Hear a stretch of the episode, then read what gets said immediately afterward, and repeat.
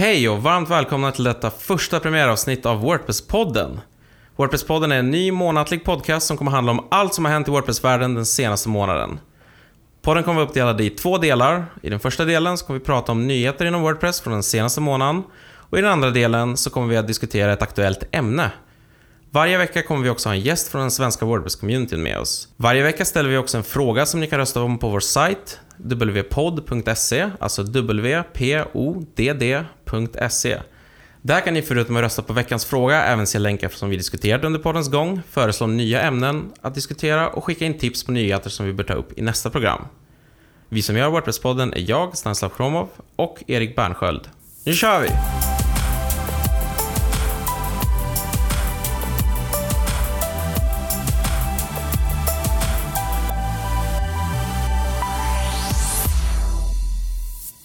Den största nyheten som är på väg att hända är att Wordpress 4.6 snart släpps.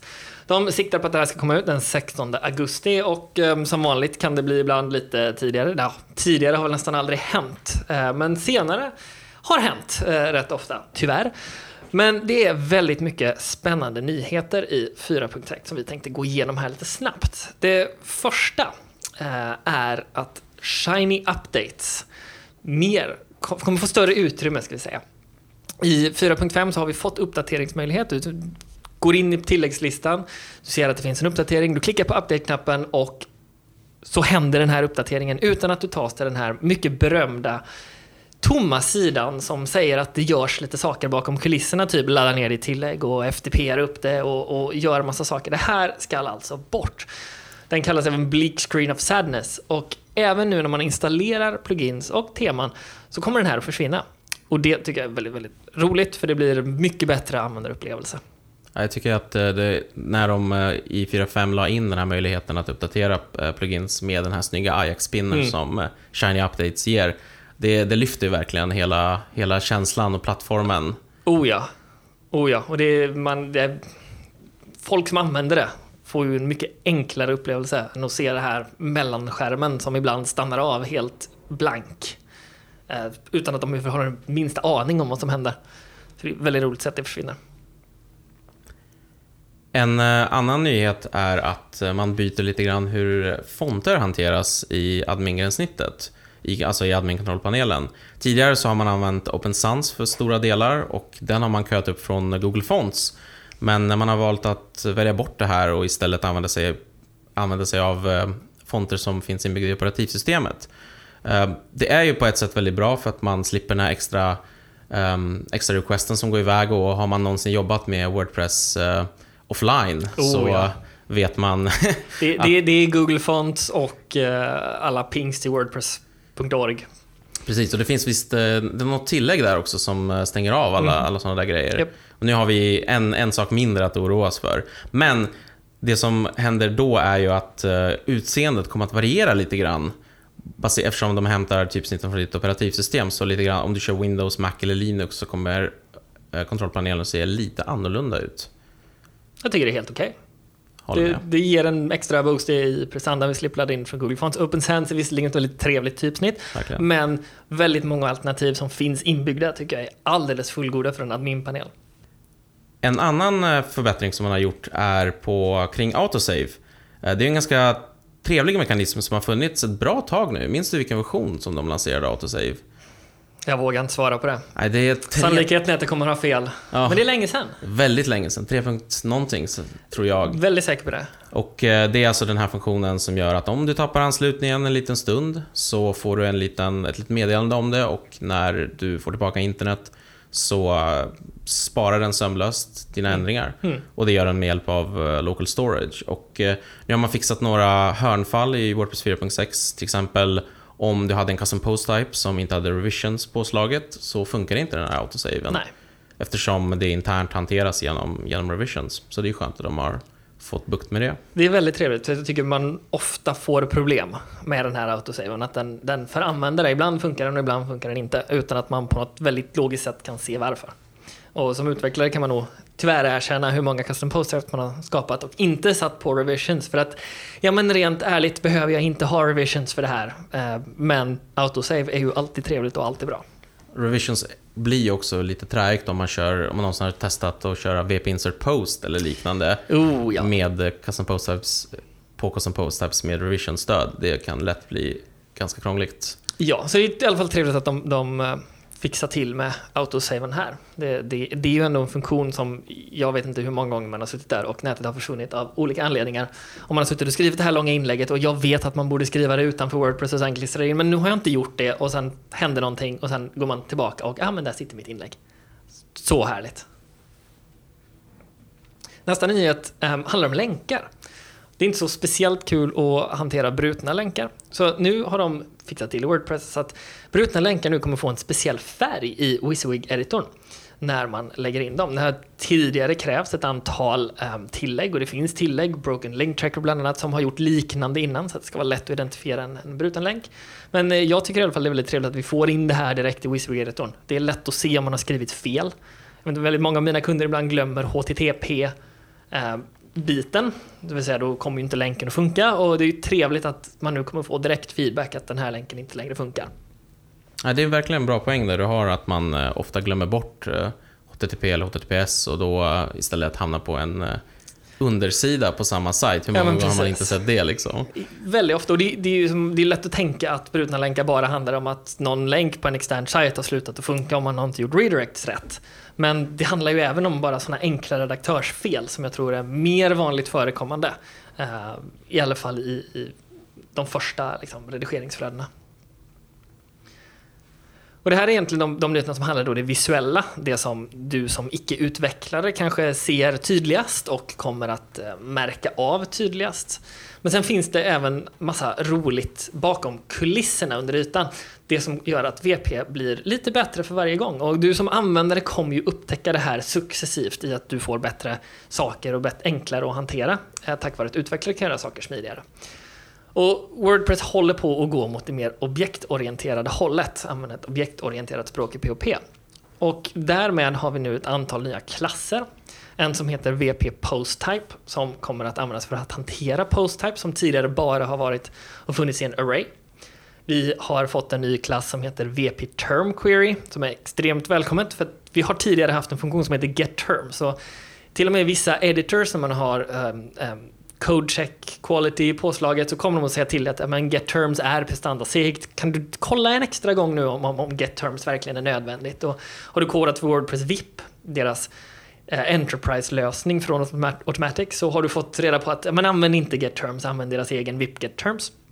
Um, ehm, och nu kommer den här att få, ungefär samma utseende som VP Query, huvudqueryn alltid har haft eh, och även de liknande User Query och Comment Query.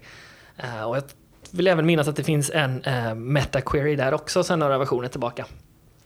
så det är väldigt trevligt, det kommer bli mycket enklare att hantera uh, sådana här terms-funktioner och får bättre cachning-stöd, vilket är väl den primära eh, saken vi kommer se från det här. Att det kommer gå lite snabbare att hämta det här.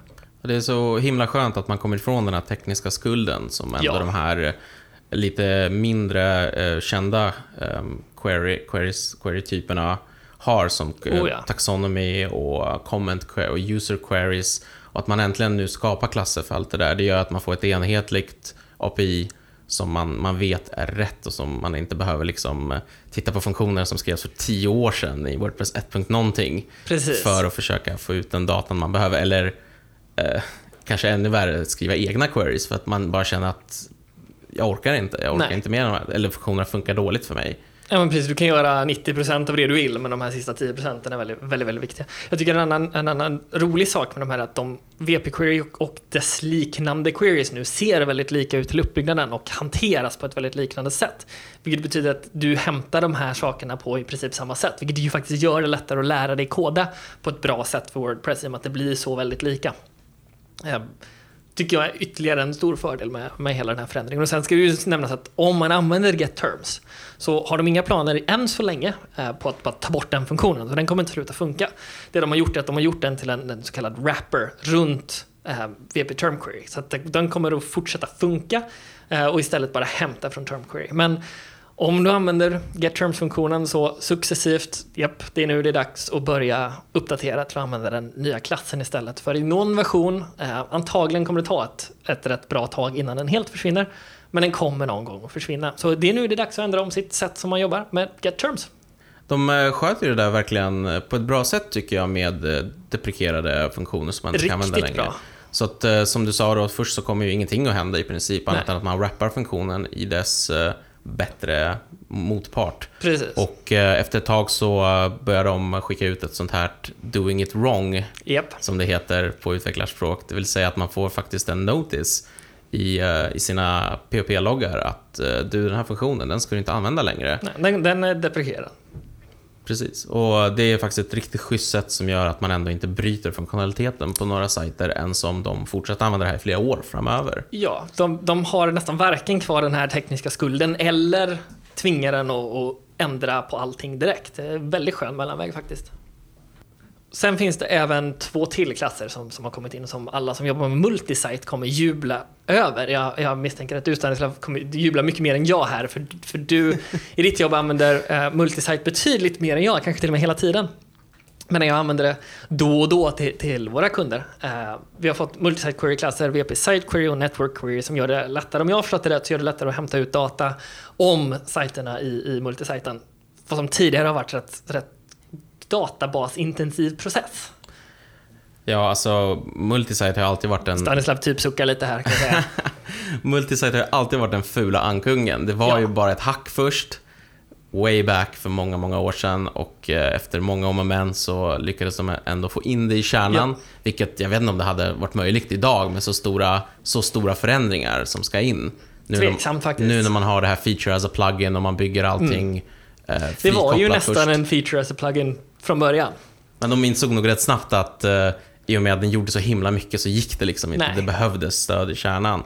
Och det känns så himla skönt att, att man inte har glömt bort det här. Att, Nej. att eh, man ändå fortsätter att utveckla multisite. För har man stora nätverk och så som, eh, som vi har på jobbet så, så är det verkligen en gudagåva att kunna köra eh, multisite istället för att ha hundratals fristående installationer. Oh ja, det, det är ju så smidigt och ju, ju mer de utvecklar multisite nu desto smidigare och bättre blir det ju faktiskt att slänga upp en sajt i det. Um, och är det något som har teknisk skuld, skulle jag säga, så är det ju multisite i, i Wordpress. Så det är trevligt att se att de faktiskt de arbetar aktivt mot att multisite faktiskt ska bli bättre.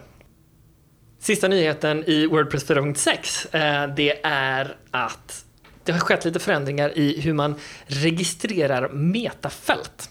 Och om du utvecklar och lyssnar på det här så tänker du, vad då registrera metafält? Jag har aldrig registrerat några metafält och jag är precis där också. Jag har aldrig registrerat några metafält. Men nu så har de, det finns faktiskt en funktion som heter Register Meta som må inte vara så känd, men den låter dig registrera de här metafälten och även callbacks för att för exempel, till exempel eh, sanera datan eh, och se till att vi kan hantera data genom en funktion istället för att skriva om den här 51 gånger. Ehm, det, det, vik, det viktiga i det här att numera kan registrera metafält och den kanske stora förändringen och anledningen till att detta kommer in i 4.6 det är att det påverkar REST API som då kommer känna igen det här metafältet och enklare får ut det i API-anropet. Precis, ett, ett eh, stort problem, eller problem problem, men en, en utmaning har ju varit att eftersom man kan så fritt lägga på postmeta på poster så finns det ingen direkt kontroll av det här och det är väldigt svårt att eh, bestämma till exempel om vissa fält ska vara publika eller om de Ja. ska vara privata. Det har ju liksom inte funnits något sätt att... Det, det är ett prefix idag. Exakt, du kör understreck om du vill att fälten ska vara gömda i UIT. Precis. Det är det som, UIT som i princip ingen använder ska väl också sägas. precis, det här inbyggda. Precis. Och, eh, och nu kan man liksom med hjälp av den här Register Meta så kan man förmedla en massa saker om sina metafält till exempel. Som du sa där, hur man sanerar dem, hur, eh, vem som ska, hur, om de ska vara publika eller privata, vilka användarklasser och capabilities som, som ska, ska ha tillgång till de här fälten. Eh, Och i REST API så kommer det här bli jätteviktigt. Ja. Och det, det gör det faktiskt väldigt mycket lättare för oss potentiellt då i en liten framtid att skapa bättre gränssnitt för att redigera med fält. Eftersom ett fält plötsligt nu kan ha en egenskap som det inte kan ha idag överhuvudtaget i och med att det bara registreras on the fly utan någon... Vi har egentligen inga, ingen koll alls på vilka fält som finns. Eh, Men det kommer vi ju ha eh, från och med nu med Register Meta. Ja, och där hade vi typ gått igenom allt det stora i Wordpress eh, 4.6. Ja, Det, naturligtvis finns det ju massa andra små nyheter. Eh, men det största, det viktigaste som, som man som utvecklare och användare kommer behöva bry sig om nu och kanske ta en extra titt på nu. Det, det är det här. Och eh, på vår, eh, på vår sajt så kommer vi posta länkar till en massa bra artiklar om WordPress 4.6. Så eh, om ni är intresserade av att läsa mer om det så kan ni gå in där och kolla. Nu ska vi gå vidare till vårt nästa ämne. Ett ganska spännande, ganska spännande historia. Det handlar om huruvida man, man kan eller man får uppmuntra recensioner på wordpress.org. Det finns lite, lite backstory på det här. En, det är ju ganska vanligt att eh, det finns, att man har sådana här hybridtillägg på wordpress.org det vill säga att det finns en gratisversion som man har på wordpress.org som eh, alla kan använda gratis. Och att eh, det finns en premiumversion där författaren tar betalt för fler funktioner, support eh, och så vidare. Och eh, det, det som har hänt nu förra veckan var att det uppdagades att en, ett sånt här plugin har erbjudit folk rabattkuponger på premiumversionen av samma plugin Eh, mot att eh, användarna lämnar en, en eh, recension på wordpress.org. Ja, det har helt enkelt dykt upp ett litet meddelande i admin som säger att vill du köpa premiumversionen, lämna en, en recension på wordpress.org, skicka oss länken så får du en rabattkod. Precis. Och eh, detta pågick under ett tag. Det här tillägget eh, har funnits ganska länge och eh, har fått ihop hundratals med reviews, de flesta är positiva. och Hux flux så bestämde sig eh, ledarna från .org, eller de som administrerar, att eh, plocka bort alla recensionerna och helt enkelt... Eh, och tillägget. Och tillägget till och med. Och tvinga honom, författaren, liksom att börja om på nytt. Tillägget är nog tillbaka nu, ja, som jag förstått. men femstjärniga recensionerna är de som är bortplockade. Femstjärniga, mm. Och eh, det här eh, gjorde så författaren skrev ett ganska, ganska argt blogginlägg där han som vi naturligtvis länkar till. Precis, som vi kommer länka till. Eh, där han pratade om hur orättvist det var och att han inte alls hade uppmuntrat folk utan att det bara var en eh, liksom, trevlig grej som han, mm. han, han gjorde. Och eh, han, det här inlägget som han skrev, det letade sig in i Advanced Wordpress-gruppen på Facebook. Ganska bra grupp som vi kan väldigt bra grupp, tipsa om. Och det ledde till ganska hetsk debatt. Det... Som väldigt vanligt i sådana här polariserande diskussioner. Det, det, det, känns som att det finns liksom eh, två, två läger lite grann. Det finns de här som, eh, som tycker att eh, det är okej okay för att man ber liksom inte folk att ljuga i sina recensioner. Det krävs egentligen inte att man ger en femstjärnig recension för att, för att få den här rabattkoden. Ja, precis, och han använder det som lite sitt försvar. Att ja, men allt jag begär är en recension. Du som användare får lov att lämna en dålig recension, du kommer fortfarande få, få rabattkoden. Precis, och sen har vi eh, det andra lägret som kanske mer känner att det där är ju ändå någon slags eh, monetär eh, grej som man får i utbyte mot att man, man lämnar en recension och att det finns kanske någon slags, även om den inte är utskriven, så finns det någon slags tanke om att, att du ska lämna en, en positiv mm. eh, recension. Och eh, ja... I det här lägret finns jag, kan jag ändå säga. Jag, jag tror jag befinner mig någonstans mitt emellan. Jag kan tycka att, att vp.orgs åsikt i den här frågan, den är rätt rimlig. För att om, om du har skrivit ett tillägg sen, så säger till mig, men kan du lämna en recension här så får du rabattkod. Jag kommer ju känna mig någonstans undermedvetet tvingad att lämna en mer positiv recension än om du aldrig hade bett mig göra det här från första början. Sannolikheten att jag hade lämnat en recension alls är ju rätt låg. Du lämnar kanske oftast recensioner om du är supernöjd eller galet missnöjd. Men jag tror inte att du hade lämnat en en helt neutral recension om du hade fått en rabattkod. Jag tror faktiskt inte det kommer hända. Däremot, och jag menar, det är klart vi får, vi får recensioner som då inte är helt neutrala. Eh, de är påverkade på något sätt. Eh, och det är ju det som vp.org säger. Våra recensioner ska vara så neutrala som möjligt. Därför kan vi inte tillåta att sånt där händer. Däremot tycker jag att deras tillvägagångssätt är under all kritik. För att det de har gjort är att plötsligt bestämma sig för detta. Tittar man i reglerna för vad man när man skickar in till, till Wordpress.org så står det egentligen ingenting om detta. Det finns två klausuler som i princip säger att hej, det här är vårt repository, vi får göra vad vi vill här, vi får ändra på det här när som helst och är det någonting som vi inte tycker passar in så har vi rätt att, och göra något annat. Den klausulen tycker jag ju är rent oseriös faktiskt. För du har ingen aning om vad som kommer hända och du vet egentligen inte förhållningsreglerna. Det de gjorde det var att skriva ett inlägg på deras Make Plugin-blogg som handlar om just plugin repository där de skriver att sånt här är inte tillåtet.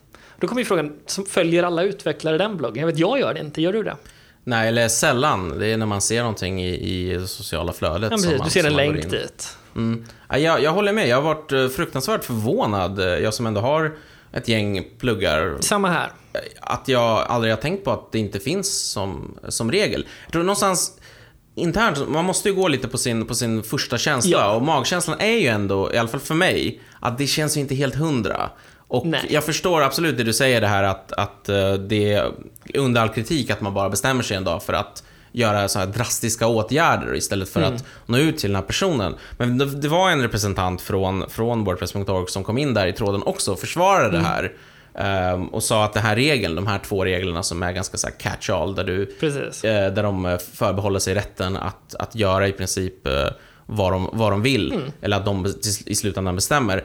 Att de, de reglerna, menade den här representanten, var ju skrivna för att just man inte ska, ska behöva speci specificera exakt allting, för då, som han uttryckte det, det var Otto tror jag, eh, som uttryckte det, att, Det är han som har skrivit reglerna från början, tror jag till och med. att man då skulle behöva förmodligen ha hundratals regler för att täcka in allting, och man skulle ändå inte kunna täcka in saker som man kanske inte ens har tänkt på än. Nej, jag tycker ju någonstans att det finns, ett, det finns en mellanväg här. Um, å ena sidan tycker jag hans resonemang är viktigt. Ja, vi kan inte ha ett gigantiskt regelverk. För ett, ingen skulle läsa det. Um, och två, det skulle ta så hemskt mycket kraft och tid att skriva. Men samtidigt är det lite sådär, men du förväntas följa den här make-bloggen och de har massa make-bloggar som, som behandlar olika och du förväntas veta om att det där händer men du får egentligen aldrig reda på det.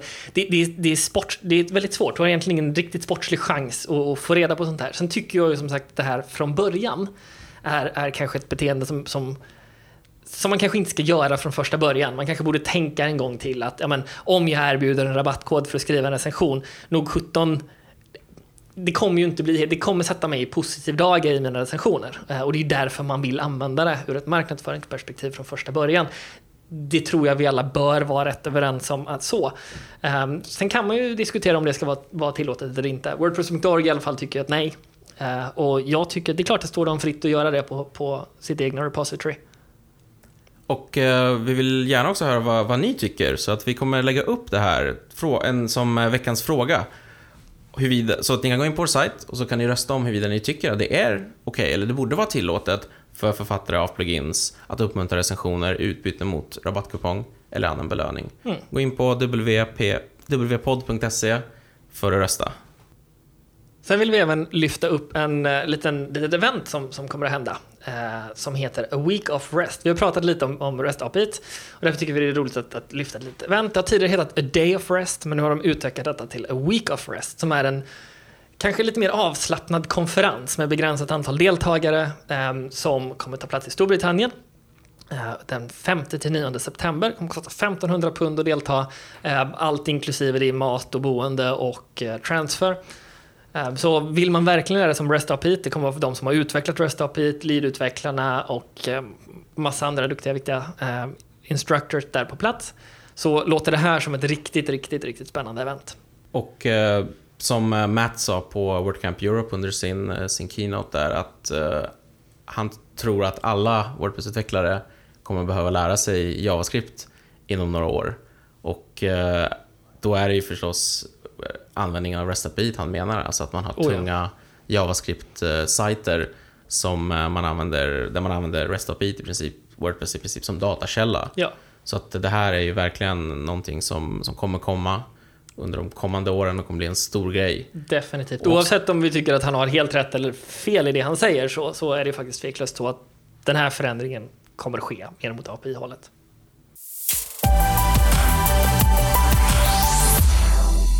Ja, och nu har vi kommit till eh, den eh, andra delen av programmet som eh, egentligen då kommer att vara en diskussion. Vi kommer köra det här i varje program och idag så är det vi två som kommer att diskutera men framöver så kommer vi också bjuda in människor från den svenska Wordpress-communityn där vi kommer att diskutera ämnen som relevanta då för oss alla egentligen som, som håller på med Wordpress. Oh ja. Vi kan ju säga redan direkt att om, om du har något ämne, dels som du jättegärna skulle vilja vara med i podden om, eller bara tycker att men jag vill höra någon prata om det här, så vi vill jättegärna veta detta. Eh, Det är bara att kontakta oss. Ni hittar kontaktuppgifter på sajten helt enkelt.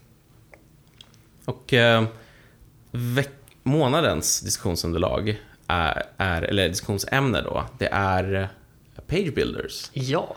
Och eh, Detta är ett väldigt spännande ämne. Oj, oj, oj. Nu är det så att Stanislav ska i Karlstad den 1 september prata om detta. Och själv var jag precis på WordCamp Boston och höll en session om precis det här ämnet. Så därför tänkte vi att det är väl helt perfekt första ämne och månadens ämne nu när det är väldigt, väldigt aktuellt för oss.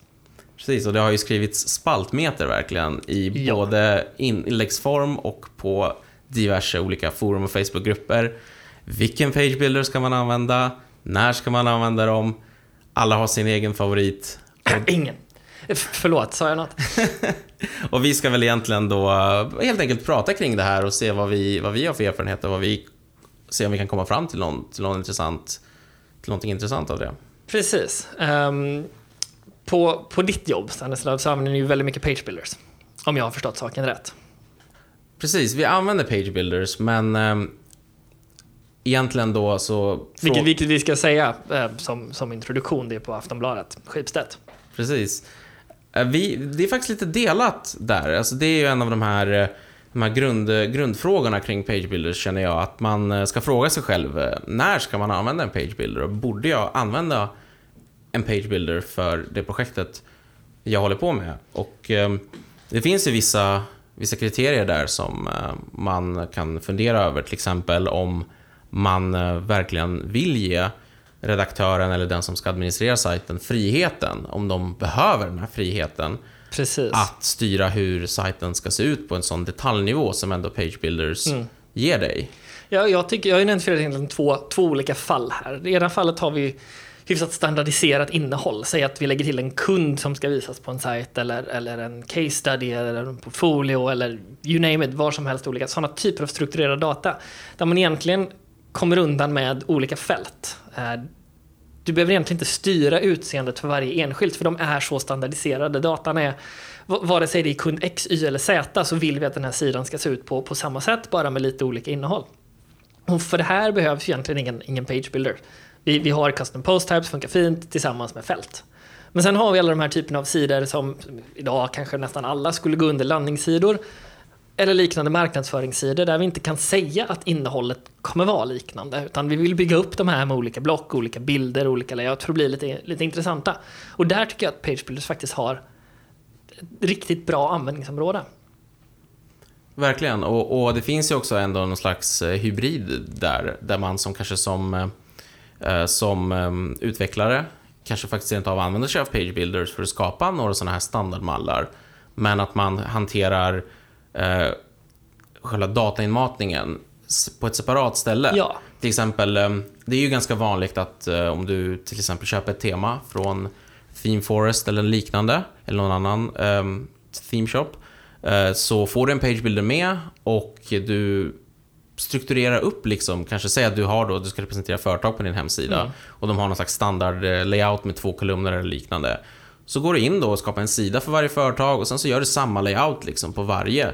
Och så liksom diffar det lite grann, det, blir- ser liksom inte, det blir liksom inte, det blir inte bra. Och det, det tycker jag är ett av de stora problemen med en pagebuilder. Jag, jag gillar vad de lovar. De lovar egentligen att du ska kunna skapa en fantastiskt snygg, fin design och sida utan att kunna koda och utan att vara designer. Och, och det löftet tycker jag är hedervärt. Jag tycker det är, det är fantastiskt. Problemet är att jag tycker inte riktigt de håller det det du behöver vara designer för, i många page builders för att kunna bygga och skapa den här fantastiskt snygga sidan som de egentligen lovar. Um, och det ser jag som ett, ett, som ett stort problem. Och delvis det du säger om att du, kan, du skapar varje av de här sidorna för sig och försöker bygga upp dem lika, men att de sen diffar. Det tycker jag också visar på ett problem på Page Builders, för att du, du ger den som gör sidan den här kontrollen över vissa block och element. Så att det inte bara är att trycka, men jag vill lägga till det här blocket och jag vill ha det precis likadant som det andra, så att jag kan ändra det modulärt. Och det tycker jag är väldigt spännande för som i utvecklarcommunity pratar vi väldigt mycket om modulär CSS och hur man kan skriva det på ett, på ett mer modulärt sätt så att varje block kan ändras och sen se likadant ut. Med en page builder så borde det här vara lätt men de flesta gör det onödigt svårt.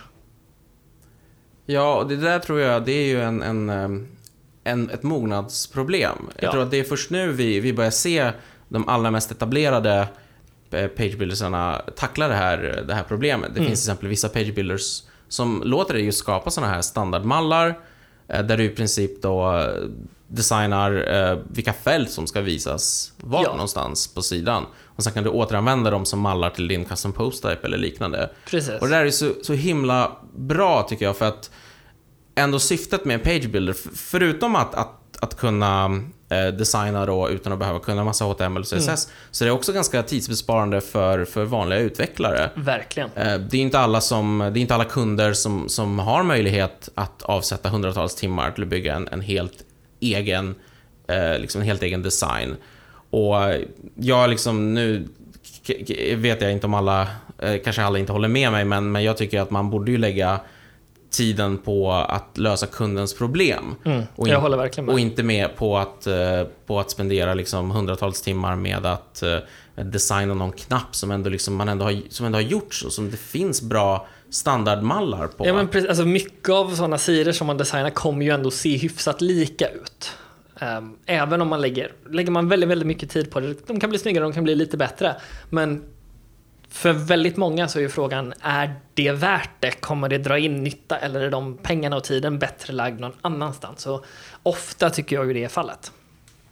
Verkligen. Så att eh, jag tror även för, för ganska etablerade eh, byråer som ändå håller på med, som ändå inte bara är där och, och anpassar teman utan också faktiskt kodar mycket, så finns det mycket tidsbesparingar man kan eh, göra med, med page builders. Ja.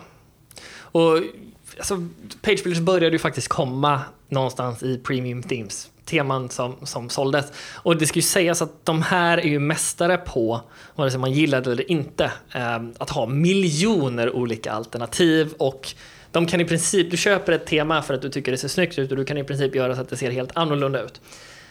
Man kan tycka olika om detta, ni kanske anar vad jag tycker om det, men lite ur det här så har ju Page Builders faktiskt vuxit fram i, i att en användare som inte kan koda och som enkelt bara vill liksom modifiera en himla massa olika saker ska ha möjligheten att göra något sånt sida för sida. Alltså, då får man ju vissa av de här problemen som, som vi lyfter som problem och, och svårigheter. Men allt eftersom jag säger, vi byråer börjar använda det här mer. Eh, jag vet, vi, vi har inte byggt massa med page builders till våra kunder överhuvudtaget kan jag säga. Men nu börjar vi, och jag vet många andra här i Sverige och världen, börja dels bygga egna page builders och utforska hur man kan göra det lättare för kunder. För att vi märker att dels är det trevligt för kunder att göra lite snyggare layouter och dels så sparar det oss, som du sa, alltså massa, massa tid på att bygga den här sidan. Um, jämfört med om vi skulle koda den helt från grunden. Mm. Och Uh vi pratade lite om det tidigare, det här med, med eh, huruvida man borde använda page builders eller inte. Och vi har ju identifierat, kan man säga, två, två segment eller två typer av, av användare som eh, man, borde, man, ska, man ska beakta när man bestämmer om man ska använda page builder eller inte. Och den ena är ju de här som eh, faktiskt inte ska bygga sajter utan som faktiskt ska mata in innehåll. Och då gör vi så att vi, där eh, utesluter vi en page builder. Där använder vi istället fält Mm. via någon fält, eh, fältplugin. Eh, och när vi har projekt där man faktiskt måste ändra layouten. Och det är, det är som du säger, det är nästan bara såna här one-pagers eller eh, kampanjsajter eller liknande där det behövs. Mm. Där, ehm, där tillåter vi page builders, men vi låser ner dem väldigt mycket. Precis. Det är också det här med att eh, olika page builders har olika mycket val, men man vill gärna komma ifrån det där med att det finns liksom hundratals val för varje, för varje block som, som man stoppar in. Ja, du, du vill ju att den ska vara så specifik som möjligt till den specifika sajten, det specifika användningsområdet, utan att det ska ha miljoner olika, olika alternativ som man kan eller inte kan använda. Ser man på en vanlig landningssida, vet, som vi bygger, så är det ju egentligen kanske max fem olika typer av sektioner som man kan lägga till. Det är någon form av block som man naturligtvis kan bygga upp precis hur som helst. Ehm, det kanske är något formulär, det kanske är någon call to action-knapp, ehm, bilder. Det är väl egentligen de, de vanligaste sektionerna som, som vi lägger in åt, åt kunder i alla fall. Och det är inte så mycket egentligen. Ehm, så att behöva ha den här jättepagebilden är lite kontraproduktivt kan jag tycka. Jag har ju en önskelista då, vad, vad jag verkligen skulle vilja ha i den perfekta pagebilden. Mm, berätta. Ehm, Det är faktiskt ett antal saker. Jag ska säga så här, den perfekta pagebilden, enligt mig, den finns inte än. Utan det här är något som vi som community behöver iterera fram och bygga. Det är svårt att bygga den här perfekta pagebilden, men, men låt oss inte stoppas och hindras av detta. Um, först och främst vill jag ju att, att datainmatningen ska vara strukturerad. Lite som Stanislav sa innan, jag vill ha fält som man kan plocka ut fält per fält. För att i min ideala användargränssnitt självguidar användaren till att göra det rätt sak. Jag vill att användaren ska mata in fält backend, i fält backend, där det är tydligt vad de ska mata in, en kort beskrivning. Där vi har en liten beskrivning som säger vad vi väntar oss att de fyller i det här fältet. Guida dem till att ladda upp rätt bild på rätt ställe och några enkla val. Ta bort lite av valmöjligheten men låt dem skapa den här snygga sidan utan att kunna ta designalternativ. Den här datan kan vi som designers plocka ut och göra en väldigt snygg layout. Utan att man som användare någonsin egentligen ska behöva ta några av de här stora valen. Och det tycker jag ju då hänger ihop med API. Som vi redan sagt är så viktigt. Kan man plocka ut den här datan? Vi måste kunna plocka ut den här datan i API. Vi säger att API blir väldigt viktigt. Och det är klart att vi måste kunna plocka ut och hantera den här datan på något sätt. Och det här tycker jag kanske är den svåraste punkten. Hur gör man en av naturen väldigt flexibel page builder där resultatet kommer variera. Hur gör man det superkompatibelt med ett API som ju är datastrukturerad egentligen utan inbördes ordning fast här ändå med någon slags ordning. Det tycker jag är en, en, en utmaning. Och det, där finns nog nästan ingen, tror jag, page builder idag som Nej. riktigt tacklar den utmaningen. Nej, alltså i och med att de flesta eller många sparar i metafält eller någon variant av det så tekniskt sett så går det att få ut det i, i vissa page builders via API. Men det är inte idealiskt och det är svårhanterat och svårjobbat. Tyvärr, än så länge.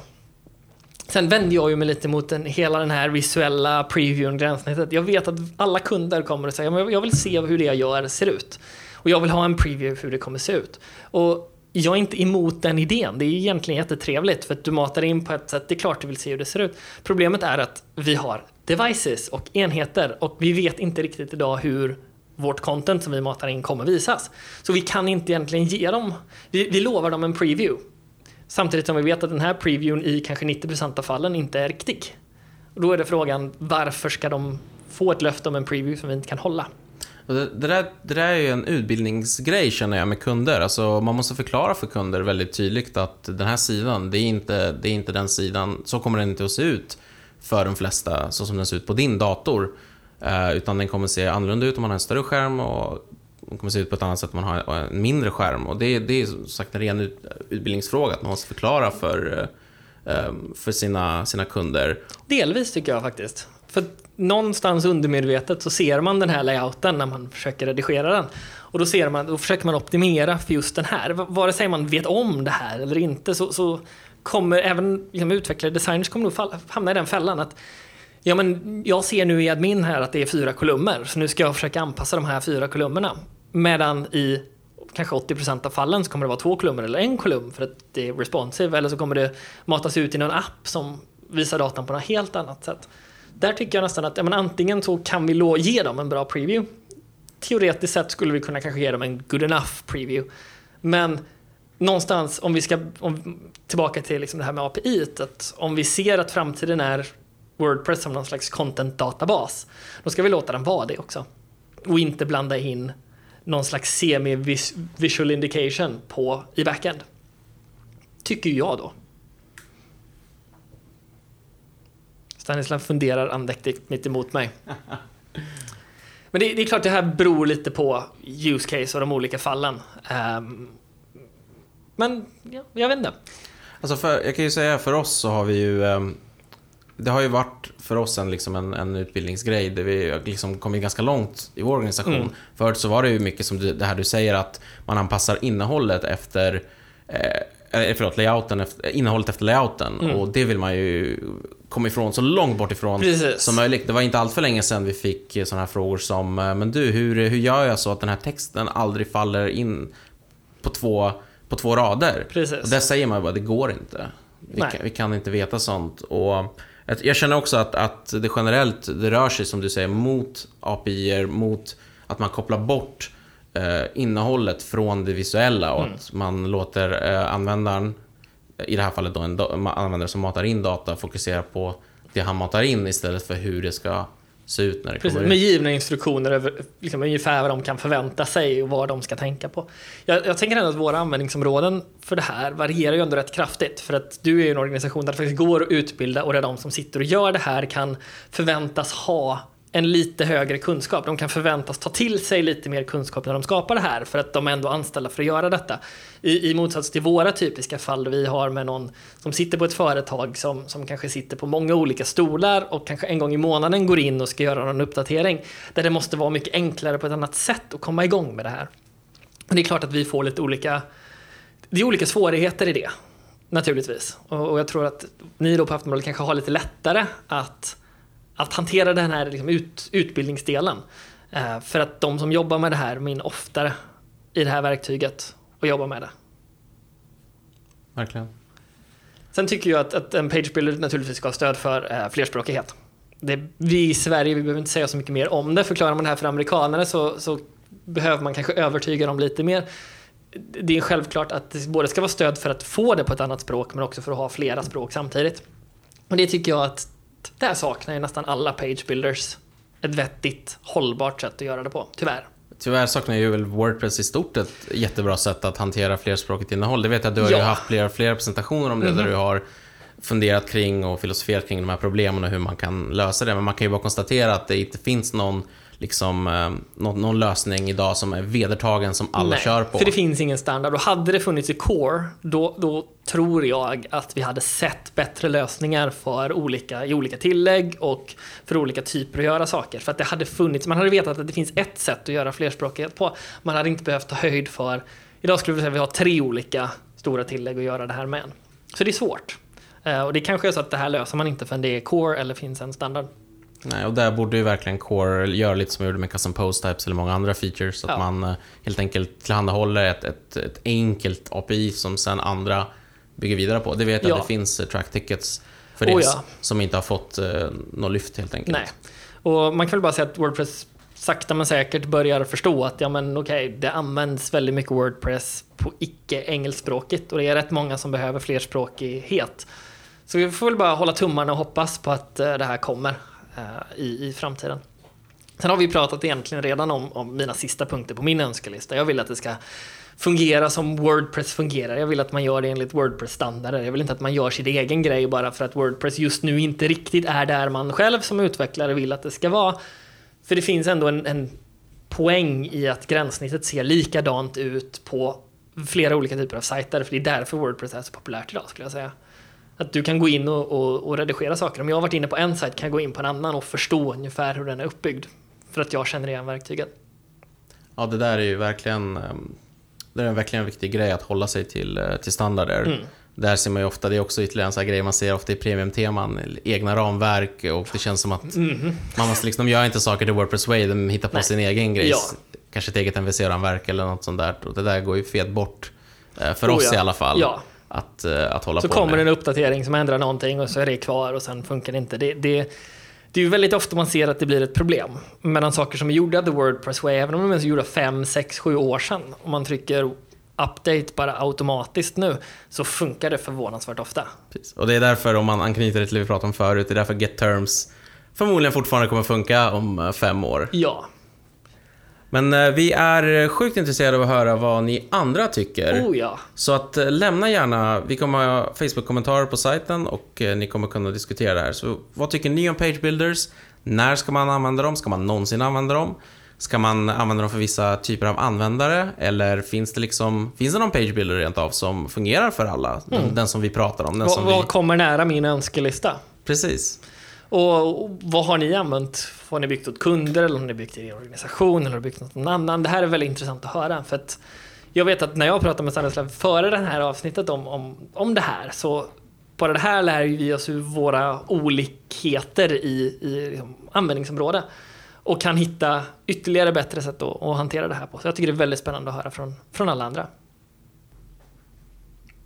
Och då har vi kommit till slutet av det här första, yippee, avsnittet av Wordpress-podden. Men det finns en sak till som, som vi vill prata lite om innan, innan vi säger hej då idag. Och det är att WordCamp Stockholm kommer att äga rum denna höst. Precis, det är eh, första gången sedan 2012 som vi kommer hålla ett Det är så underbart. officiellt sanktionerat WordCamp. Och eh, i år så eh, samarbetar vi med Internetdagarna. Vet du vad? Vi ska faktiskt säga att vi har haft WordCamp Norrköping som har varit lite vårt Sverige WordCamp. Eh, måste ha stor shoutout för de har gjort det väldigt väl. Precis. Eh, I år kommer vi vara tillbaka i Stockholm. Precis, och eh, de här två åren i Norrköping har varit fantastiska och vi Oh, ser ja. fram emot att spinna vidare på det nu när vi kan hålla det i Stockholm åter. Oh ja. Och eh, vi har haft en eh, Call for Speakers, en eh, talaranmälan. Den eh, är stängd nu. Men om man känner så här, gud vad spännande, jag skulle vilja tala på WordCamp Stockholm på internet, i samarbete med Internetdagarna. Så kan man dra iväg ett mail till oss.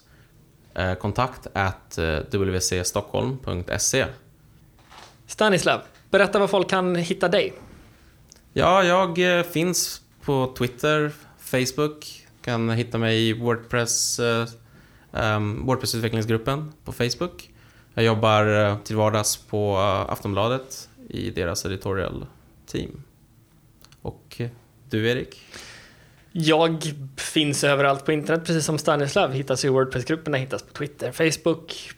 Där du än letar. Bloggar på digitalbyrån som jag driver, Bernsköld Media. Om digital strategi och allt annat sånt kul också. Självklart ska du in och gilla vår sajt på Wordpress-podden på Facebook. Eh, kika in på vår sajt. Du kan prenumerera på iTunes eller i din valfria podcasting-app, vilken du än använder. Det här är som sagt det första avsnittet vi gör och vi vill gärna ha era synpunkter.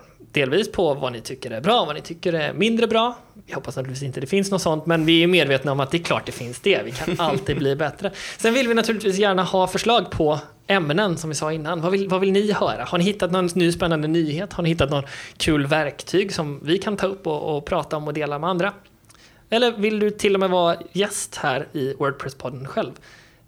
Vi tycker att det vore jätte, jätteroligt. Så med det så vill vi helt enkelt tacka för oss, det här första avsnittet och tills nästa gång, ha det väldigt bra.